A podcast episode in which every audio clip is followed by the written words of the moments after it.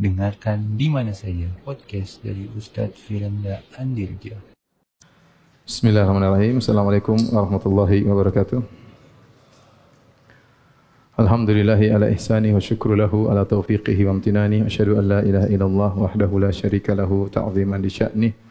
Wa asyhadu anna Muhammadan abduhu wa rasuluhu da'ila ridwanih. Allahumma salli alaihi wa ala alihi wa ashabihi wa ikhwani. Hadirin dan hadirat yang dirahmati Allah Subhanahu wa taala, kita lanjutkan bahasan kita dari Syarah Al-Aqidah Al-Wasithiyah.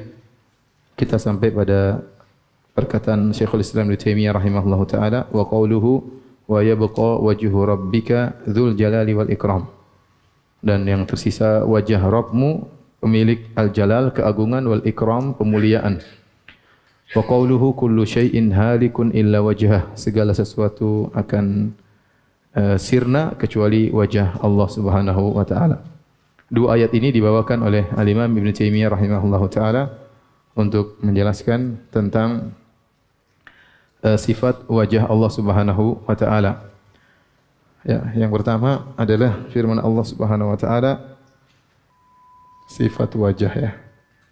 Allah berfirman, ya, kullu man 'alaiha fanin wa yabqa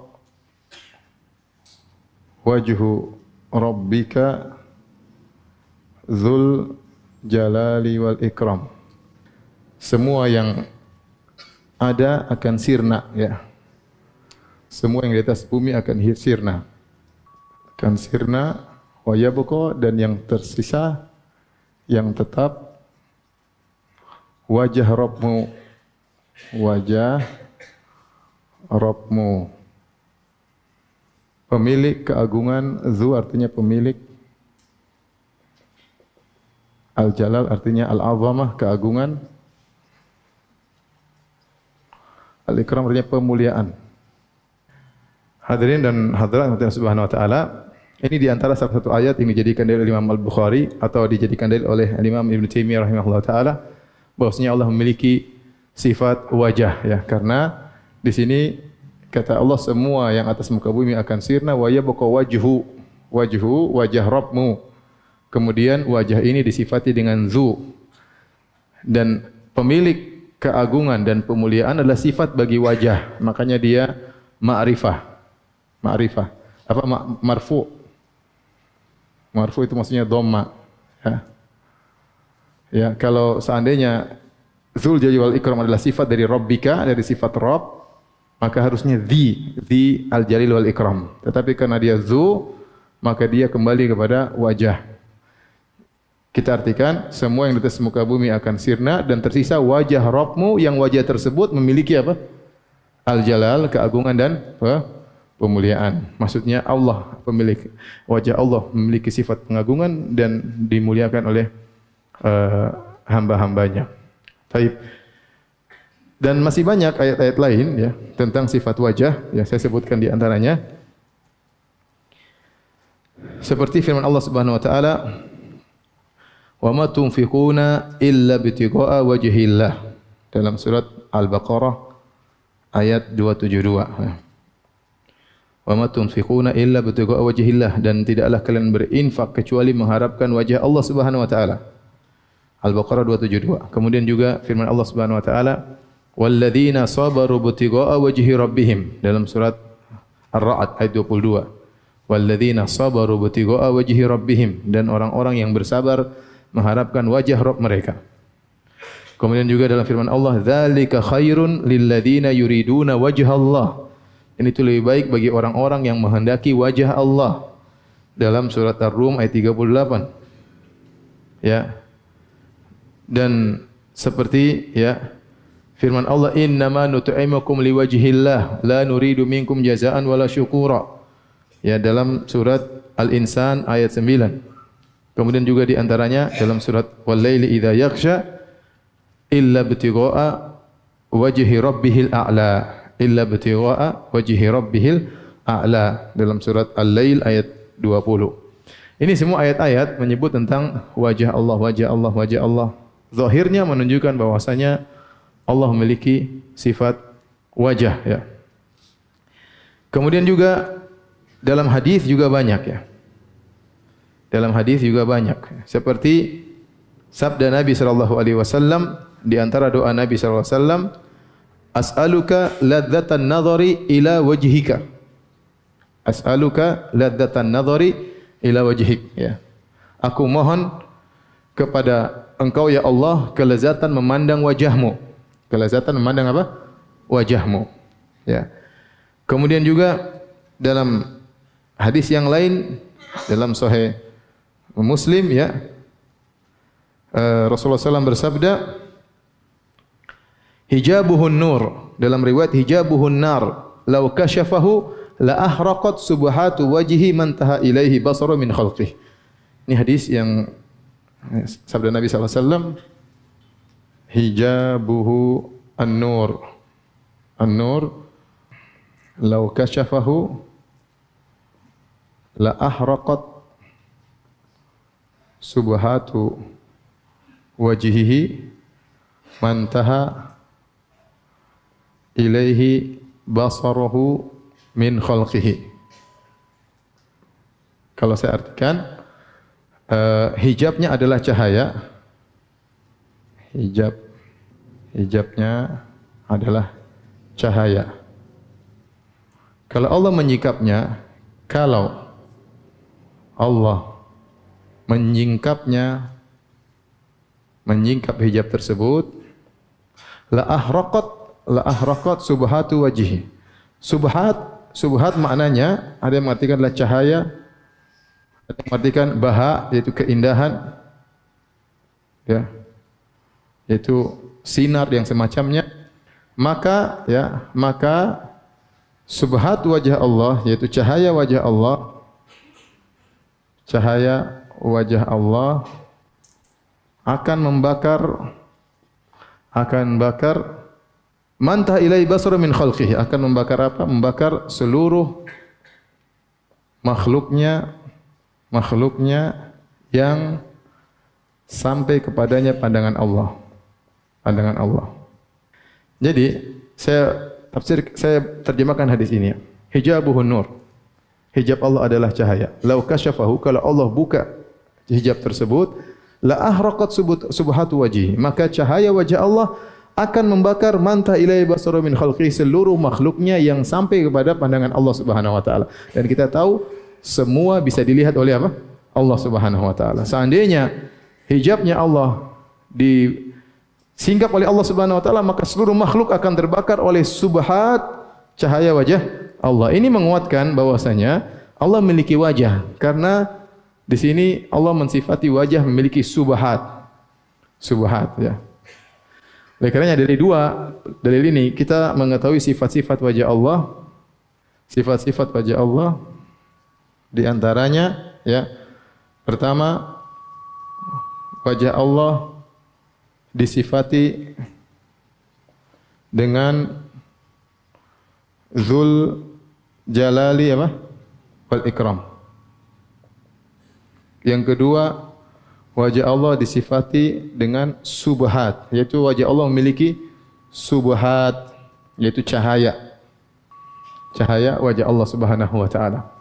Ada yang mengatakan hijabuhu, hijab ini juga berkaitan dengan dengan wajah Allah. Jadi wajah tersebut, ada yang mengatakan wajah tersebut di hijab oleh Allah Subhanahu wa taala, dihijab dengan cahaya Allah Subhanahu wa taala. Ini semua dalil bahwasanya Allah memiliki wajah. Kemudian di antara sifat yang lain ya memandang wajah Allah ya adalah kelezatan. Makanya Nabi SAW berdoa, As'aluka ladzatan nazar ladzatan nazari ila wajhik. Ila wajhika. Aku mem aku memohon kelezatan memandang wajahmu ini sifat-sifat tentang wajah Allah Subhanahu wa taala yang datang dalam ayat maupun dalam hadis-hadis ya sifat wajah Taib eh, bagaimana dengan pandangan ya kelompok-kelompok tentang wajah Allah Subhanahu wa taala. Ya. Sikap kelompok-kelompok terhadap wajah Allah. Baik. Tentunya kita bilang ya wajah Allah tentu tidak sama dengan apa? Wajah makhluk. Karena Allah berfirman, "Laisa kamislihi syai'un wa huwa samiul basir." Tidak ada sesuatu pun yang serupa dengan Allah Subhanahu wa taala. Bagaimana terbayang dalam benak seorang bahwasanya wajah Allah seperti wajah makhluk sementara Nabi mensifati wajah Allah dengan demikian. Hijabuhun nur. Ya bahwasanya hijabnya adalah cahaya. Lau kasyafahu kalau Allah menyingkap hijab tersebut la ahraqat subhatu wajhi. Maka cahaya wajah Allah akan membakar seluruh yang dilihat oleh Allah Subhanahu wa taala. Dan kita tahu Allah melihat segalanya. Ini tidak mungkin kita mau samakan dengan wajah makhluk. Wajah Allah memiliki subhat. Ya, bukan syubhat ya. Subhat pakai sin ya. Itu cahaya ya, cahaya. Ya, kalau wajah sebagian kita memiliki syubhat. Masalah wajahnya ya. Oleh karenanya enggak mungkin orang menyamakan wajah Allah dengan wajah makhluk. Wajah Allah disifati Dzul Jalil wal Ikram, memiliki subhat, kemudian ada ada apa namanya? Ada hijabnya dilihat merupakan kelezatan terindah di surga. Bagaimana mau nyamakan wajah manusia dengan wajah manusia? Wajah manusia kita terkadang kita memuntah ya. Terkadang kita memuntah lihat wajahnya. Mau disamakan dengan wajah Allah Subhanahu wa taala tentu tidak boleh ya. Jadi inilah akidah Ahlussunnah wal Jamaah. Allah memiliki wajah tapi wajah Allah tidak seperti wajah manusia karena memiliki sifat-sifat yang saya sebutkan ini. Paham? Paham ya? Baik. Sekarang bagaimana tentang pandangan kelompok-kelompok Mu'attilah ya, penolak sifat terhadap wajah Allah ya. Maka ada beberapa pertama tentu mumatsilah yaitu yang menyatakan wajah Allah seperti wajah makhluk. Ini kelompok ini dulu pernah ada tapi sekarang sudah enggak ada. Yang mengatakan wajah Allah seperti wajah makhluk sekarang sudah ini kelompok ini sekarang sudah tidak ada lagi ya. Kemudian yang kedua adalah Mu'attilah. Mu'attilah. Penolak sifat. Kalau Mumatsilah yang menyamakan. Yang menyamakan. Ya. Penolak sifat di sini bisa ada beberapa secara umum ada dua kelompok ya. Yang pertama adalah al-kullabiyah dan al-asyairah al-mutaqaddimun. Kullabiyah ya pengikut Muhammad Said bin Kullab. Asy'ariyah mutaqaddimun maksudnya asy'ariyah uh, terdahulu. Asy'ariyah terdahulu. Di antaranya adalah Abdul Hasan Al-Asy'ari. Kemudian di antaranya Al-Baihaqi dan Al-Baqillani. Baqillani. Mereka mengatakan Allah memiliki sifat wajah. Seperti ahlu sunnah wal jamaah.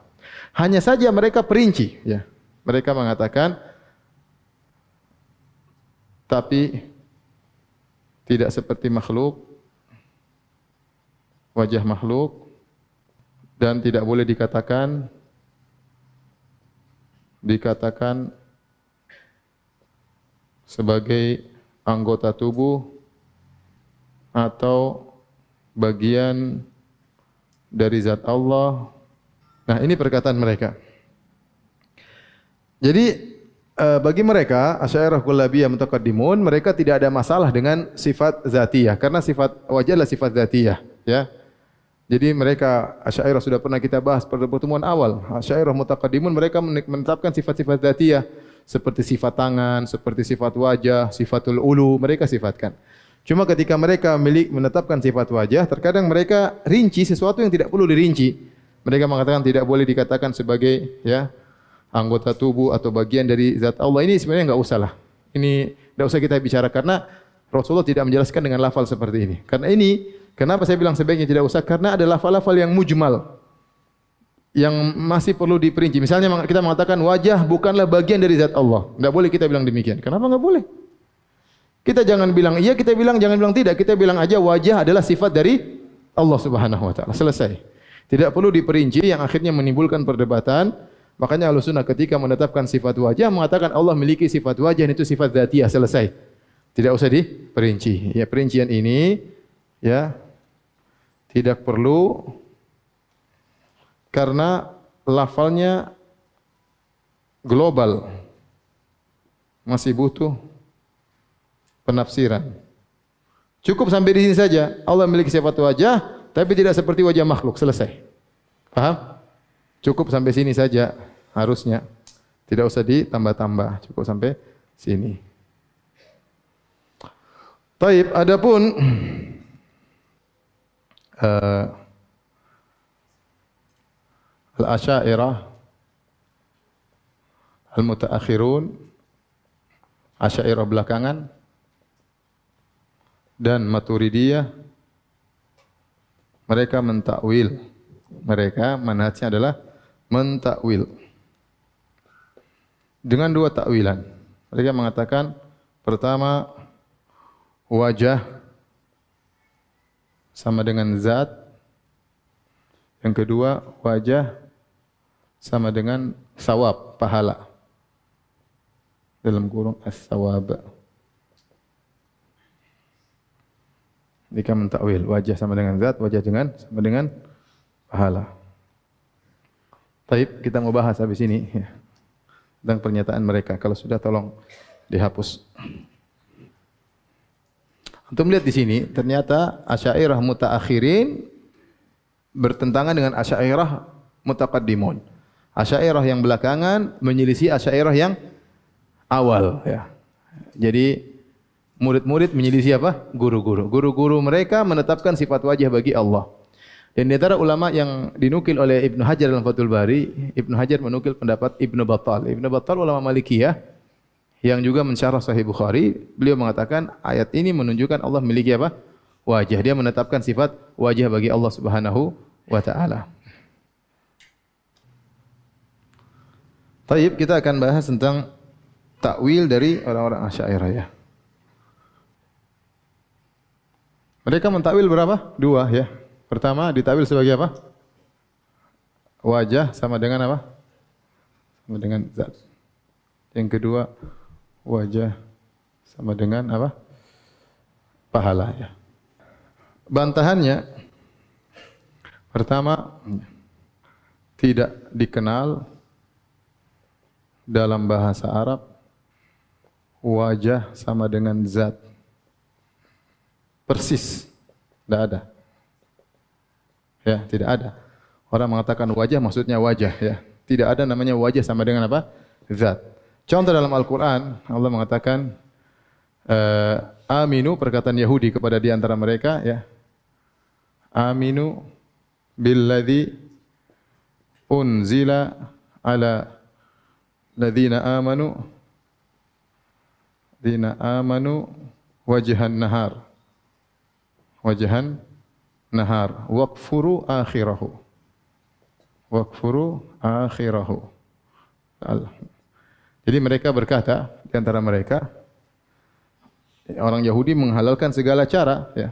Kata mereka berimanlah kepada apa yang diturunkan oleh orang-orang beriman. Kamu orang Yahudi beriman aja. Wajhan nahar di awal hari. Wakfuru akhirahu dan kafirlah di akhir apa? Hari. Di sini wajahan nahar bukan maksudnya seluruh hari.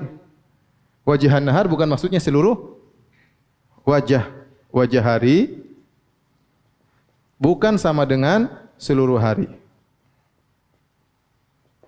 Tapi wajah hari sama dengan awal apa? Awal hari. Makanya mereka mengatakan waqfur akhirahu. Adapun di akhir hari kafirlah. Kembali lagi kafir ya. Pura-puralah beriman di di awal hari dan kafirlah di akhir apa? Hari. Berarti wajhan nahar bukan berarti bukan kalau artinya zat berarti dia seluruh apa? Hari. Paham? Seperti saya mengatakan telah datang wajah si fulan. Bukan berarti saya bilang seluruh zat, saya maksudnya saya khususkan penyebutan tentang wajahnya. Meskipun itu melazimkan dia datang seluruhnya, ya. Tapi kalimat wajah, kata wajah itu lebih spesifik yang menunjukkan sesuatu yang di depan, sesuatu yang di depan, mustaqbalu syai' ya, yang di depan. Dan ini diisyaratkan oleh Ibnu Hajar di dalam Fathul Bari. Bahwasanya kalimat wajah ini menunjukkan sesuatu yang di depan. Di antara dalilnya ini, aminu billadzi unzila ala ladzina amanu wajhan nahar. Kalau diartikan wajhan nahar adalah zat, berarti wajah nahar artinya seluruh apa? Seluruh hari. Tapi ternyata artinya apa? Awal awal hari. Buktinya setelah itu akhirahu. Kafirlah di akhir hari. Paham sampai sini? Paham tidak? Demikian juga dalam bahasa Arab dikatakan jaa wajhul qaum. Jaa wajhul qaum atau atau wujuhul qaum telah datang wajah kaum.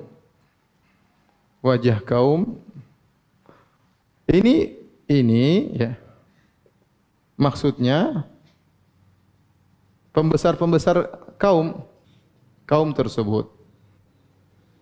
Bukan seluruh bukan seluruh kaum. Karena kalau maksudnya wajah adalah zat, berarti maksudnya seluruh kaum. Ternyata orang Arab ketika mengatakan ya jaa wajhul kaum maksudnya datang pemukanya. Pemuka dari kaum tersebut. Ini menunjukkan wajah tidak pernah diartikan dengan zat dalam bahasa Arab. Paham? Paham tidak? Ya. Dikatakan wajhul thawb, dikatakan wajhul ra'yi. Ini pendapat yang baik misalnya ya. Oleh karenanya bantahan pertama tidak dikenal dalam bahasa Arab wajah ya sama dengan zat persis itu enggak ada. Bantahan kedua. Kalaupun kalaupun kita terima bahwasanya wajah bisa mengungkapkan dari zat maka tidaklah digunakan metode ini kecuali kepada yang benar-benar memiliki wajah. Metode ini kecuali bagi yang benar-benar punya wajah. Sama dengan tangan. Wajah sama dengan tangan. Contoh, saya kasih contoh sederhana. Kenapa kita ada istilah tangan panjang? Tangan panjang maksudnya apa? Pencuri. Kalau bahasa Indonesia, kalau bahasa Arab tangan panjang itu suka dermawan, paham? Karena dia kan dermawan. Kalau Indonesia nyolong ya. Jadi istilah tangan panjang dalam bahasa Arab juga artinya maksudnya dermawan. Tidak kita jadikan itu suatu istilah bahwasanya tangan panjang artinya mencuri kecuali bagi zat yang benar-benar punya tangan, iya enggak? Kalau dia tidak punya tangan, kita tidak bisa bikin istilah tersebut. Paham tidak? Ya. Saya bilang ringan tangan, saya katakan kepada orang ringan tangan, ya. Suka apa? Suka bantu, ya. Kenapa? Karena memang dia punya tangan, tapi istilah ringan tangan itu tidak muncul kecuali bagi yang benar-benar punya tangan. Seandainya dia tidak punya tangan, tidak bisa muncul istilah tersebut. Paham tidak? Ini bantahan yang paling baik menurut saya. Jadi ini disyaratkan oleh Ibnu Taimiyah rahimahullah taala. Bahwasanya tidaklah digunakan istilah tersebut atau majas tersebut kecuali bagi zat yang benar-benar punya punya tangan. Sama dengan wajah.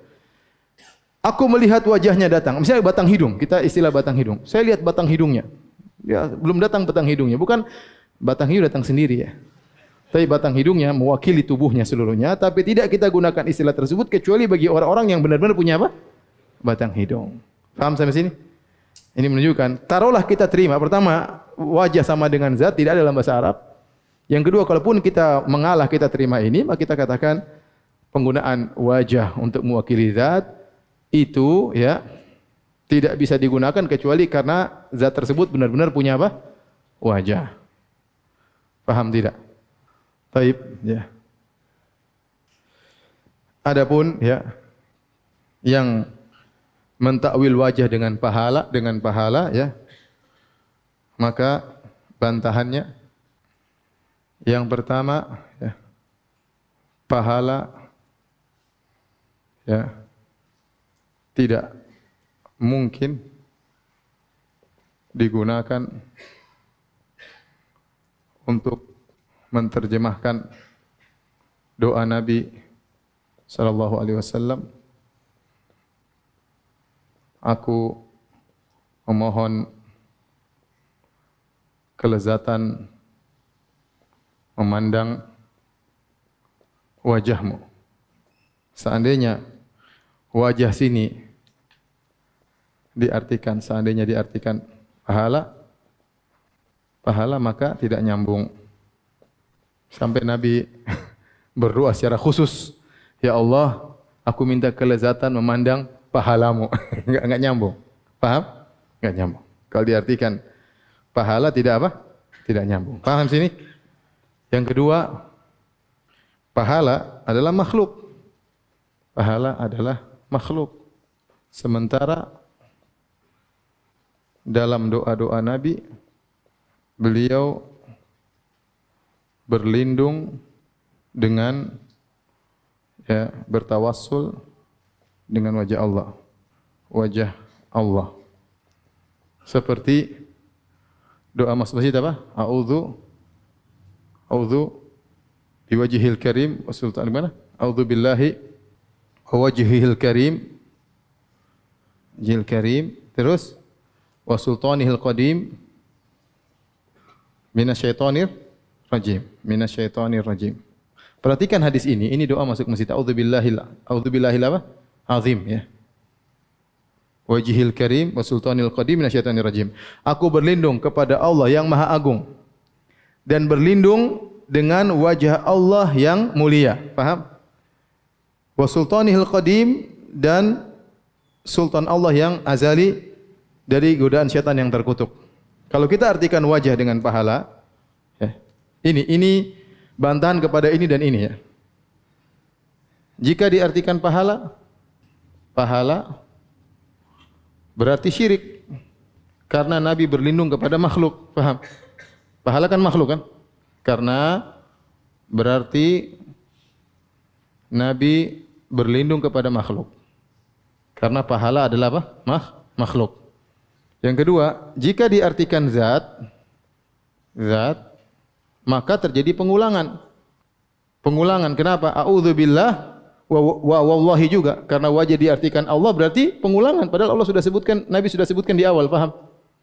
A'udzubillah, kalau wajah artinya juga Allah, berarti terjadi pengulangan. Aku berlindung kepada Allah, berlindung kepada Allah. Paham?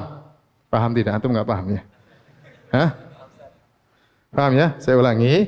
Ini doa masuk masjid yang sering kita baca. A'udzubillahil azim wajhil karim wa sultanil qadim minasyaitonir rajim. Ya. Aku bilang kepada Allah. Dan bilang kepada wajah Allah. Kalau wajah diartikan zat, berarti diartikan Allah. Berarti aku bilang kepada Allah, bilang kepada Allah. Dan pengulangan. Buat apa Nabi ngulang? Paham? Maka wajah di sini tidak bisa diartikan dengan zat. Dan juga tidak bisa diartikan dengan pahala. Karena barang siapa berlindung kepada makhluk, syirik. Ya. Paham? A'udzubillahil azim. Aku berlindung kepada Allah yang Maha Agung dan berlindung kepada pahala yang mulia. Enggak nyambung. Paham? Adapun kalau wajah sifat, maka boleh seorang berlindung kepada sifat Allah, bertawasul dengan sifat Allah, boleh bertawasul dengan sultan Allah. Ini semua sifat-sifat Allah. Paham? Paham tidak? Benar? Memang repot kalau sudah mentakwil ya. Mau terjemahkan repot ya. Coba mau terjemahkan hadis Lau kasyafahu la ahraqat subuhatu wajhi mantah ilahi basara min khalqih. Gimana mau diterjemahkan? Seandainya dibuka hijabnya, maka cahaya zatnya repot. Ya, atau cahaya pahalanya enggak nyambung. Gimana pahala bercahaya? Susah. Ya. Kemudian juga dalam hadis, ya, datang dalam hadis uh, hadis Jabir bin Abdullah dalam Sahih Bukhari, lamma nazalat hadhil ayah, tatkala turun firman Allah, "Qul huwal qadiru ala an yab'atsa 'alaikum 'adzaban min fawqikum." Katakanlah dia Allah yang Maha Kuasa untuk mengirimkan azab dari bawah kalian. Rasulullah SAW berkata, "A'udzu biwajhika." Aku berlindung dengan wajahmu. Enggak boleh diartikan pahala? Diartikan pahala berarti makhluk. Karena tidak boleh berlindung kepada makhluk. Paham? Qala au min tahti arjulikum dan Allah mampu untuk mendatangkan azab dari bawah kalian. Qala a'udzu biwajhik. Nabi bilang lagi aku berlindung kepada wajahmu. Maksudnya wajah sini sifat, tidak boleh diartikan dengan apa? Dengan pahala. Paham? Ini di antara bantahan yang mengartikan wajah dengan pahala. Baik, kalau sudah tolong dihapus. Akidah Ahlussunnah sangat mudah. Allah memiliki wajah, wajah Allah tidak sama dengan wajah makhluk. Selesai. Apa susahnya? Mau takwil ini, mau takwil itulah apa susahnya? Taib. ada masalah yang sering dijadikan dalil oleh mereka adalah perkataan Imam Al-Bukhari rahimahullahu taala ya. Uh, dalam sahihnya ya. Dalam sahihnya. Sebelumnya kita bahas dalil yang kedua ya. Kullu syai'in halikun illa wajhahu ya. Semua sirna kecuali wajahnya. Taib. Ya. Para salaf menyebutkan ayat ini ada dua tafsiran. Ada dua tafsiran. Dan ini disebutkan oleh Ibnu Jarir At-Tabari, disebutkan juga Imam Bukhari dalam sahihnya. Yang pertama, ya, yaitu ya, semua sirna kecuali wajah Allah. Ya. Yang kedua, semua amalan sirna sirna kecuali yang ikhlas. Ikhlas yaitu ma uridu uri, ma urida bihi wajhullah semua amalan sirna kecuali ma urida bihi wajhullah yaitu yang ikhlas. Ini tafsiran kedua. Maksud wajah di sini adalah yang mencari wajah Allah, yaitu yang apa? Yang ikhlas. Adapun semua amalan yang tidak ikhlas, maka akan sirna, tidak ada manfaatnya. Ini tafsiran kedua. Nah, tafsiran pertama, semua sirna kecuali wajah Allah, ya, ini menunjukkan ya, secara tafsir secara mutabaqah, secara Tadammun ya, menunjukkan sifat wajah bagi Allah. Dan tafsir secara iltizam kelazimannya atau konsekuensi bahwasanya demikian pula pula zat Allah. Karena jika wajah Allah tidak sirna, maka kelazimannya zatnya juga tidak sirna. Taib, tafsir ya. Tafsir ada tiga model. Ada namanya tafsir bil mutabaqah. Ada namanya tafsir bit tadammun. Ada namanya tafsir bil iltizam. Bil mutabaqah itu plek sama, artinya plek sama mencakup seluruhnya. Adapun tadamun maksudnya mencakup sebagiannya.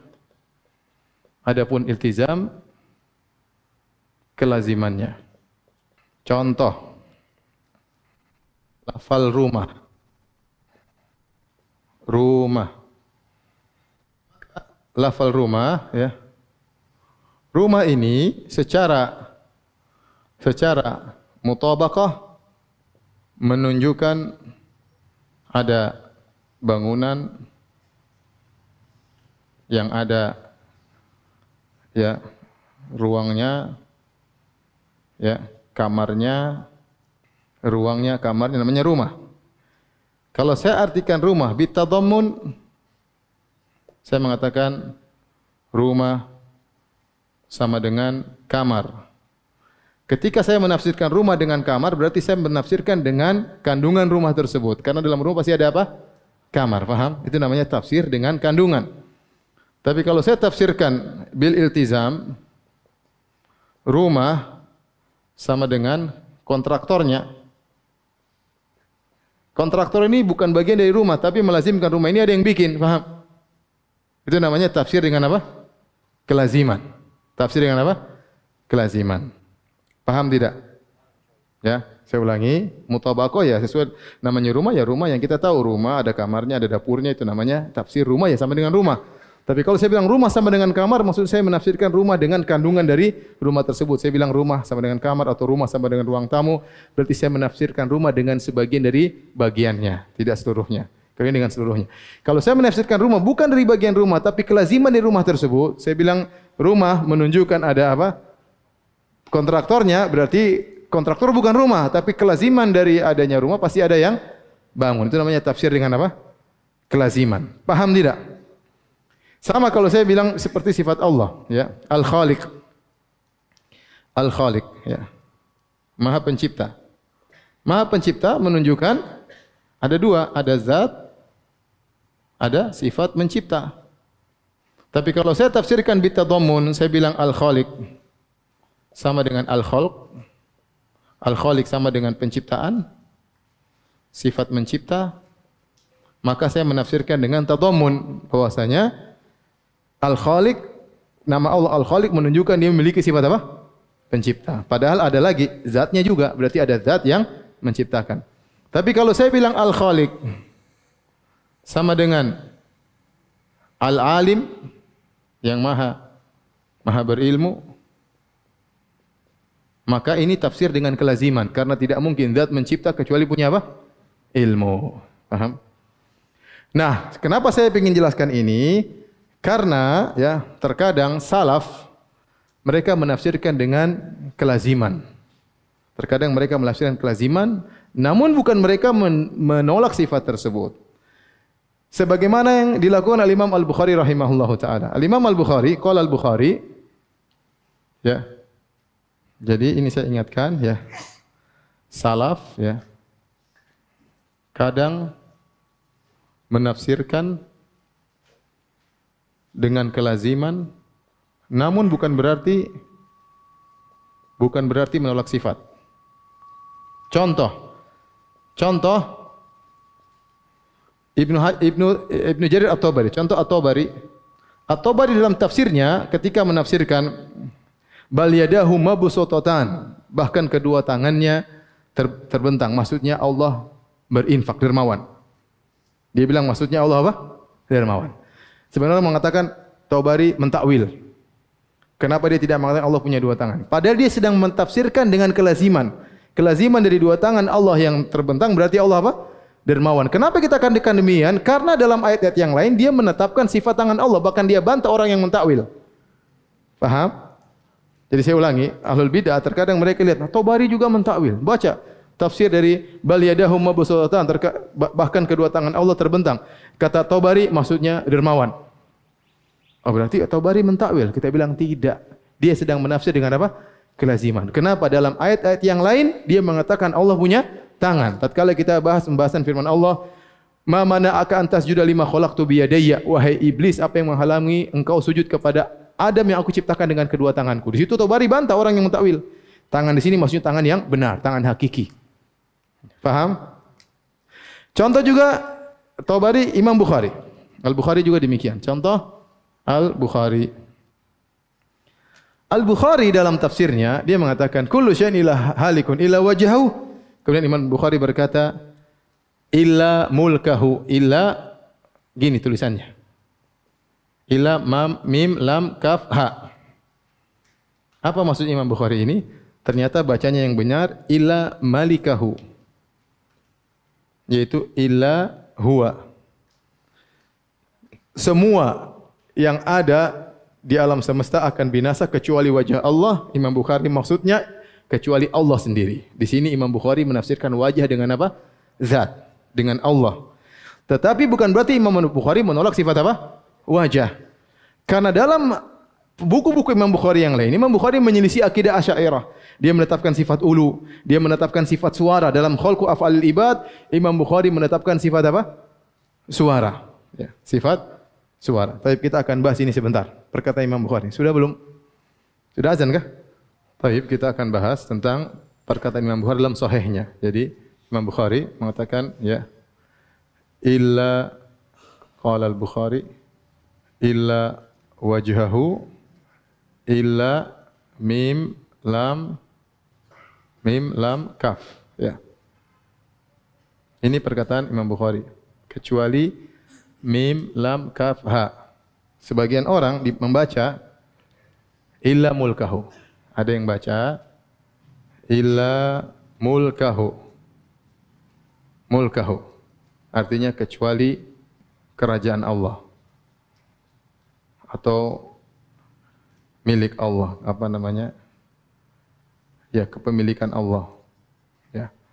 Namun ini bacaan yang salah. Ini bacaan yang salah. Ya. Terlebih lagi terlebih lagi maknanya jadi salah. Alul bidah mengatakan Imam Bukhari mentakwil ila wajahahu ila mulkahu kata mereka. Kata mereka dalam ceramah di YouTube juga ada. Imam Bukhari mentakwil semua binasa kecuali wajah Allah, semua sirna kecuali wajah Allah, yaitu kecuali kerajaannya.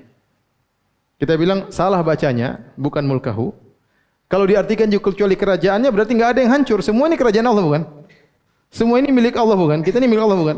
Kalau gitu nggak ada yang hancur dong, nggak ada yang binasa. Paham? Kalau kita artikan kecuali kepemilikan Allah, maka semua kita ini milik siapa?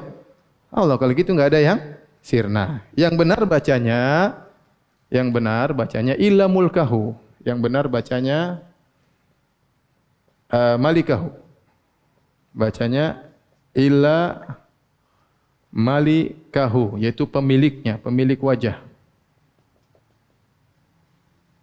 Maksudnya yaitu kecuali Allah. Kenapa saya katakan ini yang benar? Ibnu Hajar menukilkan dalam Fathul Bari bahwasanya dalam riwayat Nasafi, An-Nasafi adalah salah seorang perawi Sahih Bukhari. Jadi Imam Bukhari nulis Sahih Bukhari yang meriwayatkan Imam Bukhari banyak. Ada ada Abu Dzar Al-Harawi, ada Al-Mustamli, ada juga An-Nasafi ya. Dalam riwayat Nasafi Imam Bukhari berkata dalam riwayat Nasafi dalam riwayat An-Nasafi begini. Kullu syai'in halikun kullu syai'un kullu syai'in halikun illa wajhahu. Kemudian Imam Bukhari berkata qala wa qala Ma'mar. Illa begini ini kata Imam Bukhari. Ada tambahan dan berkata Ma'mar. Dan berkata Ma'mar Siapakah Ma'mar ini? Ma'mar ini namanya Abu Ubaidah Ma'mar bin Musanna, Ibnul Musanna. Ma'mar Ibnul Musanna. Dia punya buku judulnya Majazul Quran. Yang sudah dicetak. Ketika kita kembali kepada ini dalam kitab Majazul Quran, ternyata Ma'mar berkata, Illa huwa. Paham? Illa huwa dalam kitab Majazul Quran. Ini juga dinukil Imam ini juga dinukil Imam Hajar dalam Fathul Bari dia mengatakan akan tapi lafalnya bukan begini tapi lafalnya illa huwa. Kalau begitu illa ini harusnya sama dengan ini, harusnya sama dengan ini. Berarti mulkah ini bacanya malikahu. Pemilik wajah yaitu huwa, faham? Tapi kalau kita baca mulkahu berarti salah baca karena dalam kitab Ma'mar bin Sana illa huwa, faham? Yang mereka ini salah semua ya. Yang benar begini bacanya. Nah, Imam Bukhari tatkala menafsirkan illa wajhu dengan illa huwa, ini tafsir dengan apa? Kela kelaziman. Tafsir dengan kelaziman karena Imam Bukhari bermanhaj Ahlussunnah dan dia menetapkan sifat-sifat Allah, bahkan di antaranya ditetapkan sifat suara Allah dalam kitabnya Khalqu Afalil Ibad dan ini ini membantah seluruh pendapat Asy'ariyah. Karena Asy'ariyah mengatakan firman Allah tanpa suara, tanpa huruf. Imam Bukhari mengatakan tidak. Allah berbicara dengan suara yang berbeda dengan suara malaikat dan berbeda dengan suara makhluk. Imam Bukhari tetapkan Allah berbicara dengan apa? Suara. Dan Asy'ariyah paling anti mengatakan Allah bicara dengan apa? Suara, dengan huruf ya. Jadi kita katakan terkadang salah menafsirkan dengan kelaziman. Tadi contoh pertama siapa? Imam Tobari. Faham? Baik, sampai sini aja lah. Baik kita baca pertanyaan. Ustaz, Anda ingin bertanya apa hukum anak kecil solat di saf pertama? Ya. Waktu Imam Bukhari, waktu Nabi SAW pergi dalam Sahih Bukhari, Nabi SAW pergi ke rumahnya Anas bin Malik ya. Kemudian Nabi sholat di rumah Anas bin Malik ya. Maka Anas bin Malik berkata, aku pun bersaf di belakang Nabi bersama anak yatim. Kemudian sang nenek di belakang kami. Sang nenek di belakang kami. Jadi Nabi, kemudian saf pertama Anas bin Malik dengan anak yatim, yang kemudian nenek. Yatim dalam bahasa Arab adalah seorang yang belum balik. Seorang yang belum balik. Bapaknya meninggal dan dia belum balik. Itu namanya yatim. Kalau ibunya meninggal tidak dikatakan yatim dalam bahasa Arab, dalam istilah syar'i. Kalau dia sudah balik juga tidak dikatakan apa? Yatim. Yatim syaratnya bapaknya meninggal dan dia belum apa? Balik. Berarti anak ini disafkan pertama bersama Anas bin Malik. Dari sini para ulama mengambil dalil bahwasanya anak kecil boleh disaf pertama. Dengan syarat anak tersebut sudah apa nama bisa dibilangin, bisa diomongin, ya. Mumayyiz, dia bisa diomongin, dikasih tahu. Kemudian jangan langsung di belakang imam. Karena di belakang imam harus orang spesial. Imam lupa, imam batal, anak-anak enggak ngerti hukumnya. Tapi kalau anak kecil tersebut di saf pertama di bagian ujung kanan, ujung kiri, enggak ada masalah. Dan tidak boleh om-om datang eh, nak ente di belakang, om gantian. Enggak boleh. Dia mengambil hak anak tersebut. Jadi anak tersebut nanti jengkel, ini om kurang ajar, udah datang terlambat, ngambil apa? Saf saya ya. Jadi boleh anak kecil di saf pertama di samping bapaknya, yang penting anak tersebut bisa dikasih tahu. Kalau tidak bisa dikasih tahu, sebaiknya tidak usah dibawa ke masjid kecuali darurat. Ya. Karena nanti dia akan gerak-gerak ganggu yang lain. Tapi kalau bisa kasih tahu, dia bisa tenang, maka tidak apa-apa. Meskipun di saf pertama. Adapun sabda Nabi, liyalini minkum ulul ulun nuha ya wal ahlam hendaknya yang ada di belakang saya orang-orang dewasa itu adalah anjuran dari Nabi agar seorang segera di saf saf pertama ya. Tapi bukan berarti melarang anak kecil di saf pertama ya. Tapi syaratnya tadi jangan di belakang imam priest tapi sebelah kanan atau sebelah sebelah kiri. Di antara kemudaratan kalau kita melarang anak kecil di saf orang dewasa, kita bilang, eh, anak kecil di belakang, di belakang. Akhirnya bikin saf di belakang, bikin gerombolan ya. Anak kecil semua bikin apa? Gerombolan. Akhirnya bikin kacau, ribut ya. Maka sebaiknya ayahnya taruh di samping kanannya. Dan jangan sampingnya anak kecil juga, nanti mereka ngobrol. Jadi ayah, anak, ayah lagi, anak, tidak apa-apa ya. Ustaz apa hukumnya memakai behel kawat gigi? Boleh atau tidak? Uh, kalau gigi memang tidak sebagaimana yang seharusnya, artinya maju depan, mundur belakang ya. ya naik ke atas misalnya. Maka itu tidak mengapa dalam rangka memperbaiki. Yang tidak boleh dalam rangka mempercantik itu nggak boleh. Kalau sudah bagus kemudian dipercantik tidak boleh. Tapi kalau memang tidak normal, monyong, kalau orang lihat mengganggu, tidak rata, suami lihat, aduh, setiap suami lihat nggak menarik, tutup, tutup, tutup, misalnya. Nah, itu tidak apa-apa kalau itu pakai behel, ya, berarti untuk mengembalikan kenormalan gigi tersebut. Ya. Tapi kalau dalam rangka bercantik, ya sudah sudah bagus, kemudian dirapi-rapikan lagi, ya cuma-cuma sedikit saja, kemudian bingung pakai behel, ya, itu tidak boleh, tidak boleh. Ya. Itu namanya merubah ciptaan Allah Subhanahu wa taala. Ustadz bagaimana cara menghilangkan pikiran-pikiran di luar nalar? Ya sudah jangan dipikirin. ya, ah nggak masuk akal. Ngapain saya pikirin? Otak saya nggak sampai. Kalau saya tetap mikir saya bahlul. Sudah nggak usah mikir. Iya. Seperti kita kan tahu otak punya keterbatasan. Sama, kita punya mata keterbatasan. Ustadz bagaimana caranya saya selalu mikir pingin lihat di balik tembok? Itu pertanyaan sama. Ustadz saya pingin sekali ngelihat sesuatu di balik apa? Tembok. Ente bahlul. Jangan dipikirin. Karena ente tidak bakalan bisa ngelihat yang di balik apa? Tembok. Sama, ente berpikir sesuatu yang di luar nalar tentang zat-zat Allah, tentang sifat Allah bagaimananya, ente bilang auzubillahi minasyaitonir rajim. Paham? Karena setan yang bawa antum. Kalau ente nekat berpikir, berarti ente bahlul. Karena itu di luar kemampuan apa? Otak. Paham? Sama. Bagaimana cara saya bisa mendengar semut semut bicara ngomong? Enggak bisa. Dia taruh telinga gini pun enggak bisa. Ente masukin semut dalam telinga ente dia maki-maki ini bau bau ente pun nggak dengar dia maki-maki. Ya sudah percuma sudah nggak karena pendengaran ente terbatas. Kalau ente maksakan namanya bahlul. Ustadz bagaimana hukum orang tua yang membiarkan anaknya baru kelas 6 SD naik motor sendiri tanpa pakai helm? Wah ini. ini curhat ya. Sudah pernah diingatkan pada orang tersebut agar anaknya di bawah umur tidak naik motor tapi orang tuanya menjawab tidak apa-apa. Ya. Ya, kita kan sayang sama anak. Kita tidak boleh membiarkan anak kita melakukan hal-hal yang bahaya ya. Apalagi naik motor tanpa helm, kemudian jalan di jalan. Ya kalau mungkin cuma antar tetangga ke tetangga, ya mungkinlah ya. Tapi intinya kita tidak boleh mengajari anak kita melanggar peraturan. Tidak boleh mengajari anak kita melanggar apa? Peraturan. Ya. Kalau ada orang mencela kita, kita yang salah. Kenapa kita membiarkan anak kita melanggar peraturan sehingga memancing orang lain untuk mencela kita? Karena kita dianggap tidak sayang sama anak, tidak tahu aturan ya. Ya, maka sebaiknya tidak usah karena bahaya anak anak SD kemudian naik motor itu bahaya. Ya. Tahu-tahu dia ke kanan ke kiri ke mana-mana. Ustadz, apakah tafsir juz 30 dan juz 29 ada rencana akan dicetak lagi? Juz 29, qadarullah sudah habis jualan online ya. E, tinggal tersisa di rumah saya yang untuk bagi gratis. Tapi saya tidak mau bagi antum gratis ya. Karena saya mau bagi untuk orang-orang khusus ya. Yang saya kenal ya. E, sisanya sudah sudah habis. Belum ada rencana untuk mencetak kembali. Tapi kalau juz 30 ada rencana untuk mencetak apa? Kembali. Karena di rumah saya satu buku pun tidak ada juz 30 ya. Jadi saya mau cetak lagi insya Allah. Mudah-mudahan dimudahkan oleh Allah Subhanahu wa taala.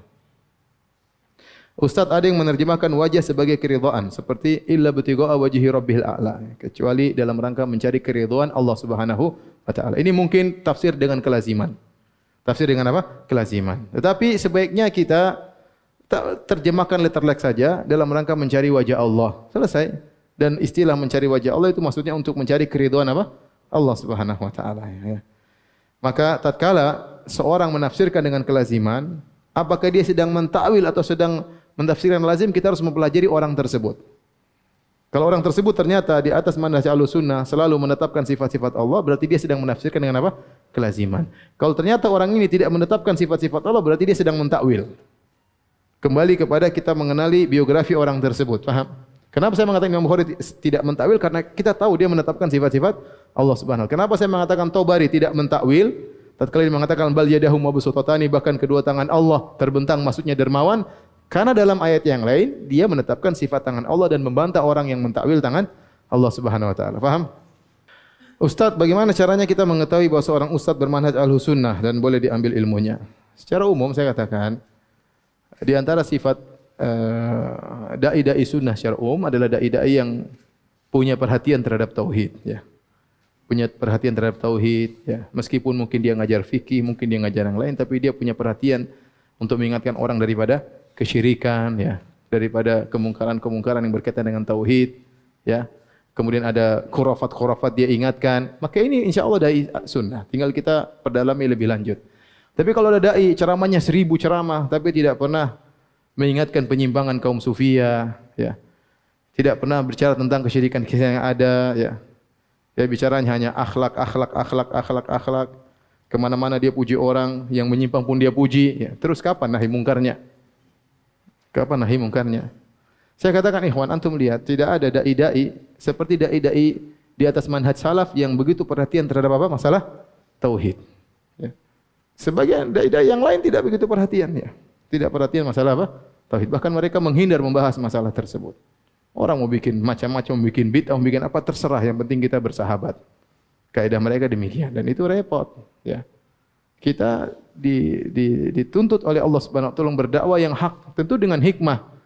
Ya, bukan sekedar yang penting kita berkawan, persatuan sementara yang satu bikin ini, yang satu bikin musik dia tidak pernah singgung. Saya sedih melihat ada seorang yang dikenal dia bertauhid, bahkan dia kencing masalah tauhid. Begitu dia sudah melebur dengan sebagian dai-dai yang lain. Yang satunya mau bicara ini, mau bicara anu, tidak ada bantahan sama sekali. Tidak ada. Padahal dia tahu itu tidak boleh. Kenapa? Demi menjaga apa? Persatuan. Itu tidak benar. Kita ingin menasihati sama teman. Kalau teman kita bersalah, kita nasihati. Bukan kita biarkan. Demi untuk menjaga persatuan. Kalau teman kita melakukan kesalahan, ah enggak enak, pakai uh nanti dia benci sama saya, nanti menjauhi saya. Berarti Anda tidak sayang sama teman Anda ya. Oleh karenanya dai sunnah secara umum mereka kita lihat sifatnya yaitu menjelaskan tentang tauhid, kemudian mengingkari kemungkaran-kemungkaran yang berkaitan dengan akidah. Insya Allah itu berarti orang itu punya gairah tentang apa? Tauhid. Insya Allah itu dai di atas manhaj salaf. Tinggal kita pelajari lebih lanjut eh, tentang dai tersebut. Bagaimana hukumnya istri solat jamaah dengan suami yang berdirinya sejajar dengan suami? Ya.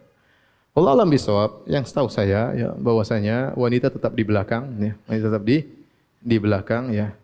Karena waktu Nabi SAW eh, apa namanya mengimami Anas bin Malik tetap wanita di di belakang. Padahal kita tahu ya tadi kan Nabi Anas bin Malik anak yatim sama seorang apa? wanita. Padahal kita tahu solat di belakang sendirian kalau sengaja tidak sah, paham? Tidak sah seorang sholat sendirian. Kalau tidak sah harusnya wanita tersebut maju bersama Anas bin Malik. Paham? Karena kalau dia sendirian tidak sah, tetapi tetap dia sholat sendirian karena memang wanita tempatnya di belakang. Padahal Anas bin Malik ini neneknya. Mahram enggak dengan Anas? Mahram, tapi dia tetap di di belakang. Padahal kita tahu Nabi melarang orang sholat sendirian, bahkan pendapat yang benar tidak sah sholatnya. Kalau dia tidak ada halangan, tidak ada uzur, maka tidak sah sholatnya. Namun tetap dia di belakang meskipun sendirian, karena memang wanita tempatnya di di belakang. Dan demikian kebanyakan ya pendapat uh, ulama-ulama madhab bahwasanya wanita safnya di belakang. Demikian juga seorang suami dengan istrinya, maka istri di di belakang. Meskipun ada yang berpendapat bahwasanya wanita kalau sendirian maka dia di samping apa? suaminya. Tapi itu dibangun di atas kias. Di atas apa? Kias. Seorang laki dengan laki ya, kemudian wanita di samping di samping uh, suami. Ada sisi pendalilan, tapi kita punya pendalilan yang lain bahwasanya wanita tempatnya di di belakang. Wallahu alam bisawab. Saya lebih memilih pendapat kalau seorang suami dengan istri, maka istri tetap di di belakang. Kalau istrinya dua, jelas dua-dua di belakang ya. Katanya biar enggak khilaf ya udah. Istrinya dua di belakang. Tapi demikian saja kajian kita. Kurang lebih saya mohon maaf. Subhanakallah bihamdik. Syadu ala ila anta Assalamualaikum warahmatullahi wabarakatuh.